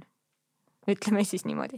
aga et kaotada ära, noh, ma ei saa öelda maailmast, aga ma ütlen ikkagi maailmast, kaotada maailmast ära see edukultus äh,. mingil hetkel hakkasid Eestis ja noh, ilmselt see tuli Ameerikast, ma kujutan ette, levima edulood ja noh, vahepeal oli neid ju igal pool, ma ei tea, bussijaamas mingite plakatite peal. Ja see on hästi-hästi tore, aga jälle see, et selle asja nimi on juba edulugu, tähendab, et me tähistame seda saavutust mitte seda pingutust, kuigi tihti on jah sinna lisatud, et jaa, ta sündis Aafrikas, tal oli äh, väga raske lapsepõlv, ta on võidelnud ennast sinna, kus ta on. jah, väga tore, aga kuidas, missugused äh, missugused nõrkushetked tal olid, missugused kahtlused tal olid, mida ta on endale korrutanud, et saada sinna, et temast on kuskil bussipeatuses mingisugune plakat, on ju. see mm. on tähtis, mitte see plakat ise, vaid see, kuidas me sinna jõuame. ja, ja mina tahaksin, et siia podcast'i koguneks hästi palju selliseid võtteid, kuidas üks või inimene, üks või teine inimene on jõudnud sinna, kus ta on ja suva, kas ta on siis jõudnud üle-eestilise, üle maailma eh, tuntuseni või ta lihtsalt on endaga seal kohas, kus ta on endaga rahul. ja, või isegi kui ta veel ei ole jõudnud sinna, kus ta tahab jõuda, et, et haar-, haaratagi kinni sellest hetkeks, kui ta on hetkel selle tee peal nagu veel. et kui ta ei ole veel seal, on ju, et ta ei ole veel nagu otseselt seda suurt asja saavutanud, aga mul on see eesmärk ja ma ei ole veel seal, aga näed, mu mõtteviis on selline, ma, ma, ma ikkagi, ma olen kindel, et ma teen selle ära, on ju, mis mõtted mind aitavad sellega nagu. ühesõnaga, et seda saavutada siis ja sinna jõuda ja kõik see mm. -hmm. sest tihtipeale on ikkagi olemas Äh, ma kujutan ette, et kui me vaatame oma eludele tagasi ja see tuleb nüüd küsimus sulle, on olemas mingisugused nagu defineerivad momendid, äh, kus sa saad aru, et niimoodi edasi enam ei saa. ja nüüd tuleb midagi muuta. ja tihtipeale minu arust see teadlik eneseareng, see töö endaga algab nendest momentidest. tihtipeale needsamad momendid on mingisugused suured fail'id ja võib-olla võib-olla niimoodi on nagu kõige lihtsam küsida, et oo, missugune, missuguseid fail'e sa oled teinud ja siis, et, et kuidas sa neist üle said. aga ütleme, et vaatleks neid momente nüüd sinu elus, kus sa oled teinud mingi teaduslik äh,, teadusliku jah. Jah, teadusliku ka, teadliku muutuse, sellepärast et sul on tunne olnud, et samamoodi ei ole enam mõistlik edasi minna. Ma pean sügavalt hingama. Um, ma kohe ütleksin, et äh, mul tuli praegu kaks sellist suuremat nagu äh,, suuremat avastust. ühesõnaga, üks oli siis, kui ma tegelesin orienteerumisega, kui ma olin, ma ei tea, ühe, äh, põhimõtteliselt neli aastat oma elust, kui ma olin üheksa, siis ma läksin kuskil, kui ma olin kaksteist, kolmteist, ma tulin ära. see oli ka niimoodi, et ma tahtsin enne nagu sealt ära tulla aga see oli hästi keeruline, sellepärast et vanemad ja treener ei mõistnud seda, nad olid, et ei, sul on puberteediiga. sa tahad sellepärast, et sul on, ma ei tea, sõprade mõjutused on ju, aga mina olin kindel, ei, ma tahan sealt ära tulla. ja ma hakkasin meelega veel halbu tulemusi tegema, ma puudusin trennidest. Mm, aga see oligi pigem nagu protest minu poolt, et ei, kui ma ei taha midagi teha, siis ma ei tee seda. ja ma üritasin üle aasta aja sealt ära tulla ja siis see lõpuks, lõpuks õnnestus aga see oli, ma ütleks pigem selline avastushetk, ma ei ütleks, et see oli ebaõnnestumine, see oli pigem õnnestumine minu poolt, et ma ikkagi jäin endale kindlaks. sellepärast, et ma sain aru jällegi seal, et ma ei teinud seda enda pärast. ma tegin seda kellegi teise pärast ja ma olin nii õnnelik, et ma jõudsin sinna. ja see teine asi jällegi umbes samamoodi just hiljuti seesama koolist äratulek et ma olin hästi viimase, noh, ma tulin ju septembrikuus eelmine aasta ära, eks ole, ma ei jõudnud isegi väga koolis käia, mingi, ma ei tea, kaks-kolm nädalat oli vist kooli jõudnud olla ja mul juba sõbranna ka ütles, et kuule, Kelly, et nagu kas kõik on hästi, et ma ei suhelnud mitte kellegagi enam, kui ma loengutes olin, ma lihtsalt olin nagu nii tülpinud, ma ei viitsinud kuulata, ma tegin enda asju. ma vaatasin lihtsalt aknast välja, mõtlesin, et vau, mida kõike ma saaksin teha selle ilusa päikselise ilmaga praegu, kui et siin istuda. minus nagu tuli mingisugune viha, aga ma, ma ise ka ei saanud aru, et, et tegelikult millest see viha nagu tuleb ja järsku ma hakkasingi mõtlema, et, et nagu see koolis käimine oli minu jaoks nii nagu selline asi olnud, et nagu, et ah, kõik teevad seal ära, vaata, et nagu, et ei tule kõne allagi, et sa jätad sellise asja pooleli, kuna ma ei ole inimene, kes jätab asju pooleli, et nagu seal tuli see ka mängu. ja järsku ma pidin astuma ja saama selleks inimeseks, kes jätab asja pooleli. nagu ja see oli selles mõttes minu jaoks hästi raske, sest et ühest küljest see pooleli jätmine on minu jaoks ebaõnnestumine, ma olen seda alati nii defineerinud. mind on õpetatud ka nii, et Kelly, kui sa midagi alustad, sa viid selle lõpuni, lõpuni ja ma olen alati nii teinud ja järsku on väga suur oluline samm minu jaoks ülikool, mul on täpselt pool käidud, on ju, isegi üle poole võiks öelda ja ma jätsin selle asja pooleli, lihtsalt niisama katki. ja eriti, kui inimesed minu ümber on nagu, et mida sa teed, on ju. ei, et käi edasi ja sa ei saa muidu, sa ei saavuta muidu seda, seda, seda on ju. ja siiski jääd endale kindlaks olla nagu, et mida rohkem ma rääkisin nende inimestega, seda rohkem ma sain aru, et mm -mm, jaa, see kool ei ole minu jaoks sest et see, mis need inimesed ütlesid, mida ma muidu ei saavuta, ma ei tahagi neid asju ja ma jõudsin sellele järeldusele ja ma olin nii õnnelik, et ma saan teha jälle midagi teistmoodi. Ja mul on veits ka see enda mingisugune tõest-, tõestamisvajadus olemas, et või noh, ma tahan nagu tõestada iseendale ja maailmale, et sa ei pea käima seda traditsioonilist teed pidi, sa saad ka oma raja luua ja teha, et siis, kui sa näiteks ei tee seda, mida kõik teised teevad, sa saad siiski nagu edukaks, sa saad siiski teha seda, mida sa armastad ja elada üliägedat elu, elu. minu jaoks edukus ongi see, et, et ma armastan iseennast, ma armastan seda, mida ma teen ja ma olen õnnelik inimene.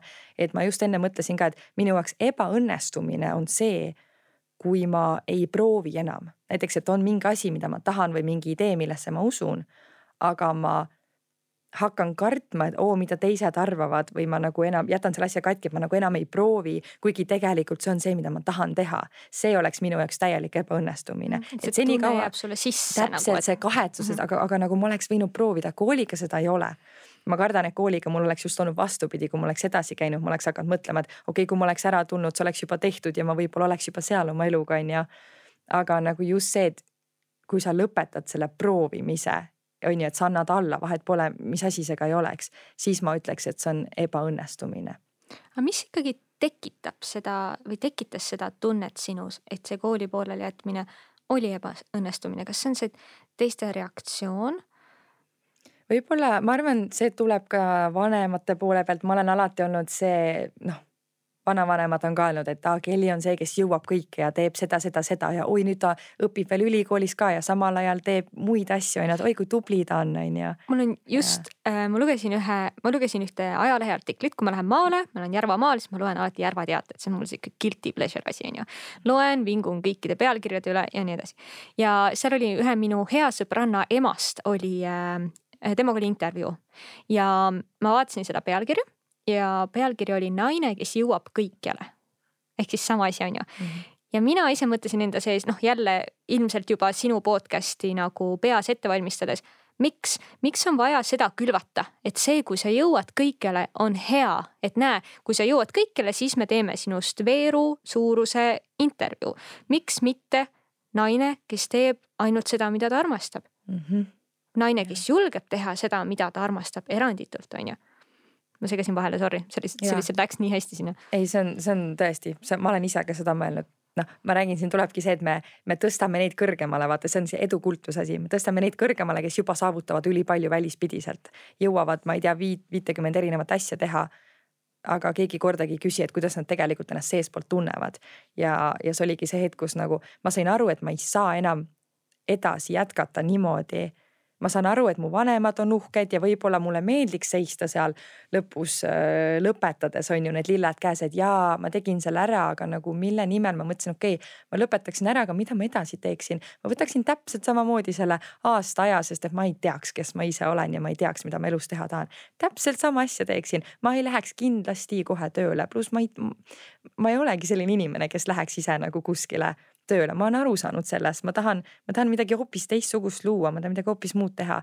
et seesama nagu ma lihtsalt võtsin varem selle aja endale kui kahe aasta pärast, kui ma oleksin seda teinud. ja ma pidingi tegema otsuse, kas mina või siis seesama kõik teised inimesed minu ümber, kes nagu nii-öelda, ma ei tea, usuvad siis minusse on nagu, et oi, Kelly on nii selline, selline on ju. ja siis ma mõtlesin ei, aga nagu ma tahangi sellest identiteedist nagu lahti lasta, ma ei taha enam olla see inimene mm. -hmm, see et nagu tegelikult ja see nagu paneb ennast nagu vangi või kuidagi ma tundsin, ma olen puuris, et ma ei, ma ei saa väljendada ennast vabalt, sellepärast et kõik arvavad, et ma olen see inimene, et ma peakski nii nagu käituma ja olema iga päev kooli ilmuma, kõik on nii hästi, on ju. kuigi tegelikult ma ei taha seda teha, on ju, et seal oli kõik nagu need tunded ja asjad ja, ja lõpuks see, see oli nii vabastav tunne. kui ma tegin selle otsuse ja see oli, see oli muide õhtul, pime oli, aga septembrikuu oli Viljandis hästi-hästi soe oli eelmise aasta septembrikuu. ja ma läksin sinna sellele kuulsale, sellele kiigule seal Viljandis, selle puu otsas, mäe otsas. ja, ja ma lihtsalt vaatasin tähti taevas ja ma kuulasin hästi kõvasti väga head muusikat ja siis ma mõtlesin, et vau, vot selline on vabaduse tunne. ja vot seda tunnet ma tahan ja vot see hetk mul oli see otsus tehtud. ma teadsin, ma ei lähe enam kooli tagasi kuigi ma ei olnud veel öelnud kellelegi, ma teadsin, ma ei lähe tagasi sinna kooli ja nagu ja. muusika aitab täiega kaasa, mul oli mm. sama äh, sarnane hetk äh, Hollandis, kui ma tulin äh, esimesel koolipäeval nagu koju sõitsin nelikümmend minutit ja jalutasin, mul oli kaks, kaks kilomeetrit rongijaamast siis koju kõndida. Ja see esimene koolipäev oli nagu minu jaoks nii inspireeriv, kuigi oli koroonaaeg ja kõik, aga see oli nagu nii lahe ja siis ma kõndisin, ma jalutasin nagu, kuulasin samamoodi kõvasti mingit head muusikat ja mul oli sama tunne, et nagu seda tunnet ma tahan tunda. sellepärast, et ma tundsin ennast tohutult inspireerituna, mul peas käis nii palju plaane, mul oli nagu täiesti selline vaba tunne. Äh, selliseid hetki elus, no selliste nimel nagu tasub elada mm. -hmm. Need on ägedad ja teiste inimeste reaktsioonidega on raske, muidugi peaks enda reaktsioone ka tähele panema aga noh, tõesti, et kelle jaoks sa siis koolis käid, on ju. Mhm. et tahaks ju ikkagi enda pärast koolis käia. aga ma arvan, et äh, kui ausalt endalt küsida, siis äh, pooled inimesed käivad kas kellegi teise pärast koolis või mingi muu asja pärast, et see on õige, nii ja. peaks, ma olen juba alustanud. või siis ma ei tea, mida ma nagu muud teeks, ma ei oskagi muud teha, seega kõik läksid sinna, ma läksin kaasa, mhm. on ju, ja ma arvan, et mul oli sama kuna ma mäletan, ma käisin seda, võtsin reaalselt selle ülikooli nimekirja ette, ma hakkasin järjest ülikoole läbi käima, siis ma mingi ei, ei, ei, ei, see ei huvita mind, ei, ei, ei. ja, ja mul oligi jah, järsku ma mõtlesin, et okei okay,, mulle meeldib korraldada olen siin ühe jõulunäidendi kokku pannud. Hullult meeldis see, ma näen, mul on omadused ka muidugi, see ei ole üldse nagu maha raisatud aeg, issand jumala eest, ei, see on mulle nii palju andnud, ma lihtsalt tunnengi, et ma sain selle kahe aastaga kõik selle sealt kätte, mis mul oligi vaja, et nüüd ise edasi minna. ma päriselt, see on nagu see oli, see oli selles mõttes üks parimaid valikuid. Ikkagi, ma nii nautisin, ma läksin Erasmusele ju pool aastat. tänu sellele ma seal olin, eks ma haarasin kõigest kinni, millest sai. ja siis ma tundsingi, et okei okay,, mul ei ole enam mitte midagi siit võtta ma võtsin mm -hmm. kõik juba ära ja nüüd on mul aeg ise edasi minna. absoluutselt. kuidas sa praegu tunned ennast selle otsusega ja mis, missugused tegevused sinu iga või noh, mitte iga päev, aga sinu päevi täidavad hmm.? missugused tegevused? mul oli muidu hästi kindel hommikurutiin ma olen ikkagi väga sees selles enesearengu teemas ja ma loen ikkagi väga palju raamatuid. ma muide Mm, Anette eelmine aasta soovitas mul lugeda, kuna ma rääkisin talle, ma rääkisin sulle seda, et vist, et ma ei tea, mida ma teen, on ju samamoodi. ja ta soovitas mul lugeda Simon Sineki raamatut Know your why ehk siis äh, kuidas eesti keeles on? Eesti keeles on ta vist Leia oma miks. jah, Leia oma miks. Million mindset on selle. ja, ja ma eile käisin raamatupoes ja ma ostsin selle raamatu endale ja, sest ma tahtsin seda hästi palju kogu aeg lugeda, aga nagu kõik teised nagu lugesid ka seda, ehk siis nagu ma ei saanud seda kuskilt mujalt, siis ma mingi nägin seda Apollos, okei okay,, ma ostan selle ära mm. -hmm. aga ühesõnaga ma ikkagi loen hullult palju, ma teen äh,. ma hetkel töötan baarmenina, ma täit-, läbisin.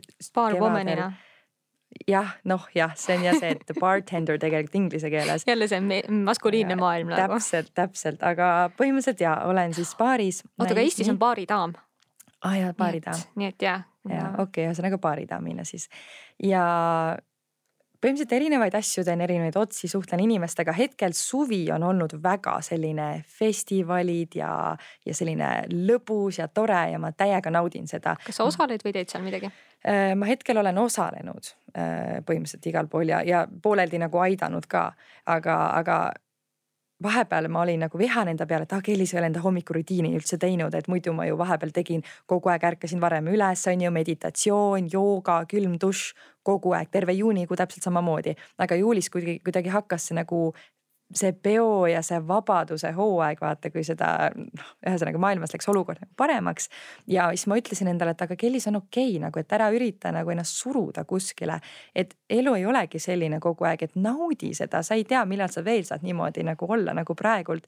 et ja ma olengi mingi kella neljani öösel tööl ja siis ma magangi kella üheni päeval ja see ongi okei okay.. et naudi seda ja, ja nagu tee niimoodi, et sul oleks vähemalt hea olla ja ühesõnaga, selline on mu suvi praegult sügisel mul on tegelikult plaanis minna joogaõpetaja koolitusele, siis kestab, ma ei tea, pool aastat ja eks me siis näe jälle, kuhu ma sellega jõuan ja ma hetkel lihtsalt katsetan natuke siit, natuke sealt mm,. iseendaga hästi palju loen raamatuid, teen oma teist podcast'i äh,. et äh, mis on ka selline enesearengule suunatud et selle teise podcast'iga oli ka, ka nii, et me mõtlesime, võtame ühe kuu vabaks, võtame juuni vabaks. Lubasime kõigile, et juulis oleme tagasi, järsku saime mõlemad aru, et äh, elu vajab elamist ja mõlemal on hästi kiire ja ongi hästi palju vaja käia ja kuidagi see ei olnud enam prioriteet.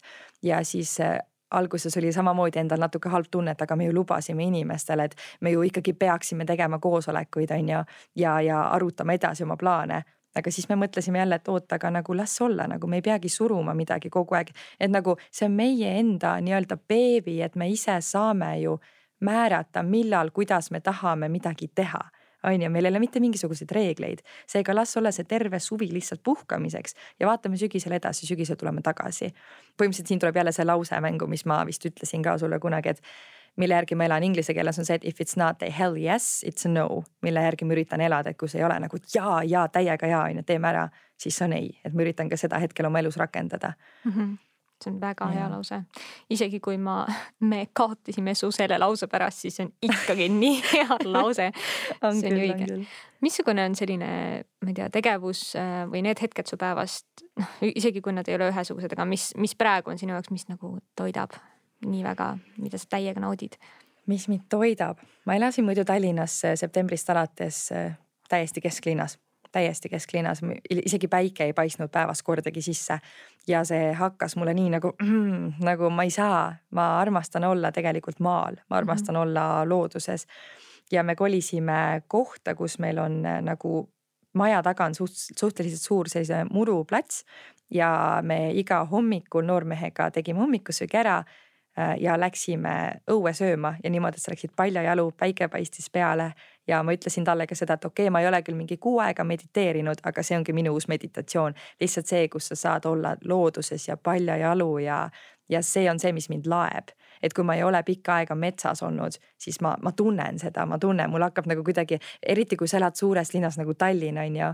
et, et ma olen aru saanud, et mul on kogu aeg vaja nagu samal ajal olla nagu paralleelselt nagu loodusega kooskõlas ja, ja hingata värsket õhku ja olla üksinda ja vaikuses. see on see, mis mind kõige rohkem laeb, ma olen ise aru saanud mm. -hmm. lõpusektsiooniks mul on sulle laused. mina loen lause alguse ja sina saad lause lõpetada, nii nagu sa ise soovid. ehk siis see oli see, et äh, ei pea olema üks sõna, eks ole, võib olla rohkem kui üks sõna. jah, lõpeta okay. nii nagu, nagu sa ise arvad, et, äh, et õige on. teeme nii nii, minu kõige uuem harjumus või oskus on? vabandada inimeste ees. oi, see on küll ilus. viimati naersin südamest. viimati naersin südamest mm,. ma ütleks, et viimane, ma naeran suht palju, on ju, ja kõik on tegelikult ausad naermised, aga väga palju ma just naersin eelmise nädala alguses, kui me võtsime Airbnb sõpradega ja me tulime saunast ja me läksime vette ja meil olid suured kummiloomad kõigil ja siis see oli nii naljakas ja ma ei ole ammu nii palju naernud, kui ma siis naersin täiega lahe. võib-olla nagu selgituseks ka, et miks need laused siin üldse on või miks me need Kelliga kunagi kokku otsisime. et noh, muidugi need on nagu lihtsad, nad on, annavad märku, et saade hakkab lõppema. aga nad on ikkagi igas küsimuses on ka sees natukene mingit sellist tõetera, mida iga päev või noh, kui ei saa, siis iga nädal või kuu võiks endale meenutada. harjumused, oskused, naermine, väga tähtis osa mm. elust, väga tähtis. üks asi, mida ma naudin, aga mis pole mulle kasulik, on. sai, sai ja või peale, ma võin seda nagu pakkida viisi süüa. pehme sai on ju? jaa kõht läheb tühjaks Äh, mind kõige paremini iseloomustav muusikapala on Born to be wild üks raamat, mida noh, jah, edu poole pürgiv. selle tahaks nüüd pärast seda vestlust tahaks ära võtta, teeme nii, üks raamat, mida üks inimene oma elu jooksul kindlasti lugema peaks, on mm.?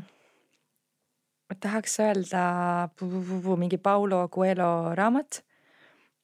aga mulle samas väga meeldiks, kui me tuleme ikkagi selle edu raamatu juurde tagasi ähm, vot ma võtsin kaasa ka selle raamatu lihtsalt, ma vist arvasin juba, et mingi selline küsimus on, oota korraks. see on äh, Juht ilma tiitlita äh, Robin Sharma poolt. et äh, ma ei olnud ise mitte kunagi tea-, kuulnud sellest raamatust ja ma olin baarmeni koolitusel ja järsku üks inimene, me rääkisime teenindusest, soovitas mingi viiteraamatut. ma muidugi raamatu hull läksin kohe sinna, tegin pilti.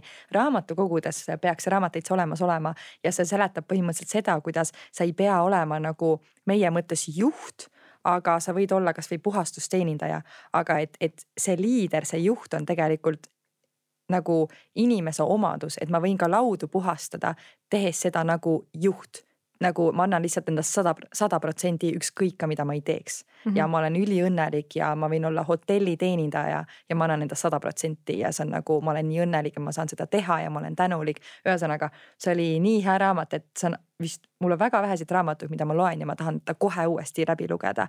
ja see on tõesti, mida ma väga loog-, soovitan ja mida ma kindlasti tahan ise kohe varsti uuesti läbi lugeda. tõesti väga hea täiega hea, ma juba tahaks haarata selle sealt, aga ma näen, et see on raamatukogu raamat, nii et ma pean selle ise otsima äh, skaalal ühest kümneni minu õnnetase hetkel on? ütleks hetkel on ta kaheksa või üheksa. mulle meeldib nii öelda, sest alati saab paremini see on vist ka eranditult see, mida inimesed siin teisel pool lauda vastanud on mm. esimene asi, millele ma hommikul mõtlen, on mm,? kahjuks on vist see, et äh, mis minu kohustused täna on, mis kell on, palju mul aega on? Mis äh, ideaalis tegelikult ma ei tahaks, et nii oleks? Mm. -hmm. ja põhjus, miks see küsimus on siin ka on, on täpselt sama, et, äh, et noh, jällegi äh, Hollandis, kui mul oli rohkem aega hommikutel ka ma hakkasin avastama, et ma ärkan hommikul ülesse ja see on kõik nagu hästi, vaatan aknast välja, aga juba täiesti nagu loetud minutite pärast hakkavad tulema mingid mõtted tihtipeale mingid muremõtted või mis kell rong läheb või tuleb mingi eelmisel päeval juhtunud asi meelde ja juba on see meeleolu, mis nagu esimesel hetkel oli täiega hea, on äh, rikutud mm. -hmm. ja sinna vastu aitas väga hästi meditatsioon kohe hommikul ärgates saad äh, kümme või mida, mida, mitu iganes minutit sa tahad endale. aga lihtsalt, et neid mõtteid tähele panna, sest, äh, sest kui sa lased nagu selle lõngakera sealt äh, veerema, siis tegelikult see võibki terve su päeva ära rikkuda mm. täiesti niimoodi, et sa ise ei pane tähele. ja, ja näiteks see, et juba tuleb mingisugune ärevustunne sisse ja ja et ma ise panen ka mille tähele. pärast on ju. ja täpselt, et me elame kogu aeg tulevikus, tulevikus on ju, et ah ma mhm. pean varsti sinna minema, oota, see tähendab, ma pean nagu ennast korda tegema või veel hullem, mingi asi, kuhu ma tegelikult väga minna ei taha, on ju. see ongi täna, oo ei, on ju, tänane ongi käes mm. -hmm. et, et ja, et kui me lihtsalt oleksime hetkes ja täpselt see meditatsioon, ma usun ka, et aitab väga palju mm. -hmm. jah, kasvõi nagu väike hetk ükskõik, aga lihtsalt, et sa mm -hmm. paneksid tähele, et seda ei äh, märkamatult sinuga ei juhtuks, kui sa lased ja ütled, okei okay,, nüüd ma mõtlengi probleemidele või nüüd ma -hmm. mõtlen, kuidas ma selle probleemi ära lahendan, siis on hästi, aga, aga et see mingisugune murekoorem ei varjutaks nagu sinu mm -hmm. ilusat sinist taevast, on ju mm. -hmm. kui ma olen üksinda, siis ma mõtlen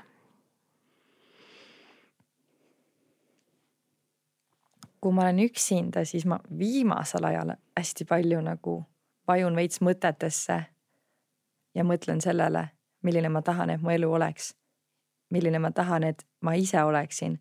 just nimelt nagu see minu, see kõige kõrgem, see parem mina, on ju, kes mul on praegu mõtetes, aga et kuidas ma saan teda nagu esile päriselt siin füüsilises reaalsuses nagu tuua.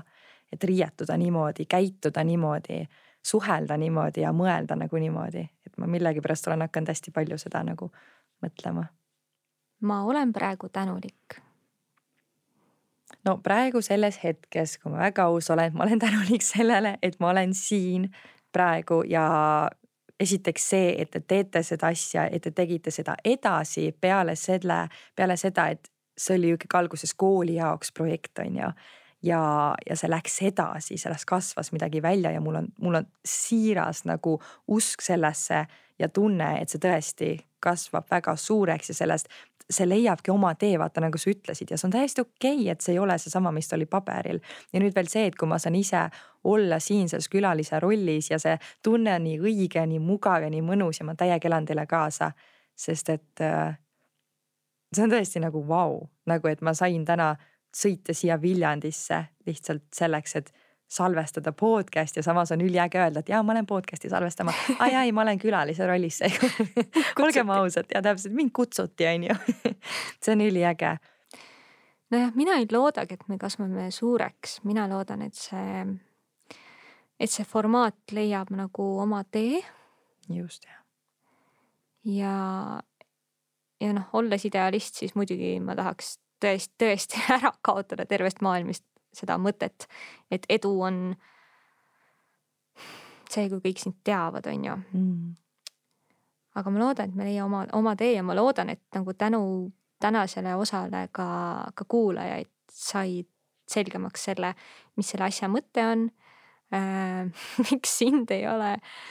Ähm, ja miks üldse kuulata ja miks kirjutada, et kui, kui midagi võiks nagu kõlama jääda, siis tõesti, et neid kirju me ootame ja see ei pea olema kiri meilile, see võib olla ka, ma ei tea, like või kommentaar või mm., või äh, Instas või... DM või mis iganes. ja kõnnid poes, näed, oi, kas see on Anette, oi, jooksed juurde, tšau Anette, tead, ma siin mõtlesin, et tahaks tulla siia teie podcast'i rääkida, ka see sobib, eks ole. eriti lahe, sest äh, noh, mina ei ole nagu life coach, mina ei oska teisi õpetada, kuidas elada ja see ei ole ka üldse minu eesmärk, aga, aga mul on tunne, et kui mul on see julgus teiste ja vahepeal ka võõraste inimestega rääkida, siis see on see, mida mina saan anda, et teised mhm. inimesed saaksid enda tarkust nagu jagada. ja ma ütleksin siia kohe ühe väga bänger lause juurde, mis mulle väga meeldib. vestlused ravivad maailma ja nii on. see on nii ilus lõpetus, et sellega lõpetamegi